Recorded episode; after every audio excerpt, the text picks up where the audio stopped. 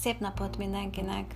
Az előző podcastunk, amiben az éjség és a tehetségérzet megváltozásáról és ennek megtapasztalásáról volt szó, most folytatásra kerül, és ebben a második részben inkább röviden szeretném összefoglalni a tanácsainkat. Ezt elég sok, körülbelül 16 pontban tudom összeszedni, de igyekszem rövid lenni. Szóval ott tartottunk, hogy a helyesen összeállított étrend ez nagyon-nagyon fontos, és amit még kiemeltünk az az, hogy, hogy nagyon fontos, hogy legyenek külső határok, hogyha a belső határok az éjségérzet és a tehetségérzet érzékelésében egy kicsit megbillennek valami miatt, ugye lehet ez rossz szokás, lehet éppen a gyógyszerszedés is, de ha valakit ez komolyan érdekel ez a téma, akkor érdemes az első podcastunkkal kezdeni. Szóval tanácsaink. Az első. Fogadd el az érzelmi evést, és akár mellékhatásként jelentkező, megváltozott étkezést is, mint egy megküzdési módot, nem mint egy megküzdési hibát. Második. Amikor azért teszel, hogy megküzdj a stresszel és a problémákkal, először kezd étvágygerjesztőként egy rövid relaxálással. Szentelj pár pillanatot annak, hogy megfigyeld, milyen a légzésed, és szagold meg az ételt. Készülj fel előre a pillanat teljességére. Kövesd egy előre látható étkezési rituálénak a folyamatát, aminek élesen elhatárolódik az eleje és a vége. Kezd tudatos légzéssel, koncentrálj végig arra, hogy mit eszel, és fejezd be az egészet egy egészséges adag önelfogadással. 4. Használj néhány étkezési szokásodat megtörő technikát, például, hogy nem azzal a kezeddel leszel, mint amivel szoktál, vagy nem odaillő evőeszközzel, hogy éberen, kérdőn és a jelenben tartsd a figyelmed, miközben a tudatos étkezésre koncentrálsz. 5. Ha rátör a falási roham, választ ki azt, amit majd tudatot félre, tudatosan félretéve megeszel ahelyett, hogy például csak úgy megegyél egy zacskó csokis kekszet, választ helyett a gyümölcsös joghurtot vagy étcsokit, de még jobb a saláta.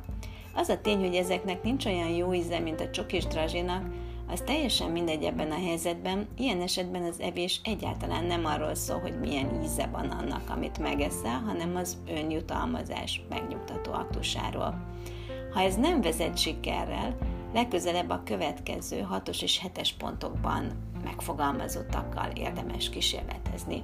Mégpedig ismerd meg, mik azok a kedvenc élelmiszerek, amiket szeretsz. Érdemes előre listát írni. A tudatos érzelmi evés egy kísérlet arra, hogy magaddal törődj, így ha éppen ott tartanál, hogy evéssel kúrálnád magad, akkor a legjobb gyógyszert érdemes választani ehhez. Engedd meg magadnak, hogy pontosan azt az élményt éld át, amit keresel, Ellenkező esetben azt kockáztatod, hogy azzal leszel tele, amit nem is akarsz megenni, és utána duplán rosszul fogod érezni magad. A hetes pont pedig, amihez szintén fordulhatunk, kényeztesd magad a minőséggel, ne a mennyiséggel. A tudatos érzelmi nem arról szól, hogy ezzel fedezd a napi energia szükségletedet, vagy hogy mennyit eszel, hanem hogy mennyire élvezed az evést az adott pillanatban. Így ha a kedvenc ételeidet választod, fizess érte prémium árat, és válaszd a legjobb minőségű ennivalót. Ez a pótlólagos anyagi befektetés valószínűleg felcsigázza majd az ízlelő bimboid, és segíteni fog, hogy lelassíts, és tudatosan átéld a pillanatot, amikor csak magaddal törődsz az evés közben. 8. Az a javaslat, hogy amikor eszel, akkor egyél. Ez a gerince minden tudatos érzelmi evés megoldására kialakított módszernek. Ha leülsz, hogy a problémáidat evéssel old meg, kapcsold ki a tévét, tedd félre a könyvet és az újságot. Ha nem így teszel, akkor azt kockáztatod, hogy pont azt a pillanatot szalasztod el, amit a saját magaddal való foglalkozásra szántál olyan nagy elszántsággal. Ha most éppen az evés a terapeutád, akkor ezt az eseményt csak magadra fordítsd. Érdemes elhatározni, hogy a lakásnak csak egy adott pontján eszünk, kényelmesen leülve, ez sokat lendíthet a probléma megoldásában. Fogyaszd el az ételt, és utána már ne is menj vissza erre a helyre. 11-es pont, nagyon fontos, együnk, amikor valóban érezzük az éjséget, erre nagyon kell figyelni, hogy valóban éhesek vagyunk-e, vagy csak éppen az érzelmi dolgok miatt, vagy esetenként egy gyógyszer mellékhatás miatt érezzük azt. Egyeseknek segítség, ha az étkezés után nem mennek el az asztaltól, ez egy kicsit ellentmond az előbbi pontban megfogalmazottakkal, de nem vagyunk egyformák. Ilyenkor érdemes keresni valami olyan tevékenységet, amiben használjuk a kezünket. Ez jó hatású, mert az étkezésnél is használatban van mindkét kéz, és így képzünk egy átmenetet az agyunk számára. Az egyik tréner betege például gitározott, mások keresztrejtvényt fejtettek vagy kirakóztak, majd arról számoltak be, hogy pár perc múlva könnyebb elmenni és végleg befejezni az evést. Minden helyzetben kerüljük az egészségtelen ételeket, ez alapszabály lehetne. Az étkezési idő kb. 15-30 perc legyen, attól függ, hogy egyedül leszünk, vagy másokkal együtt.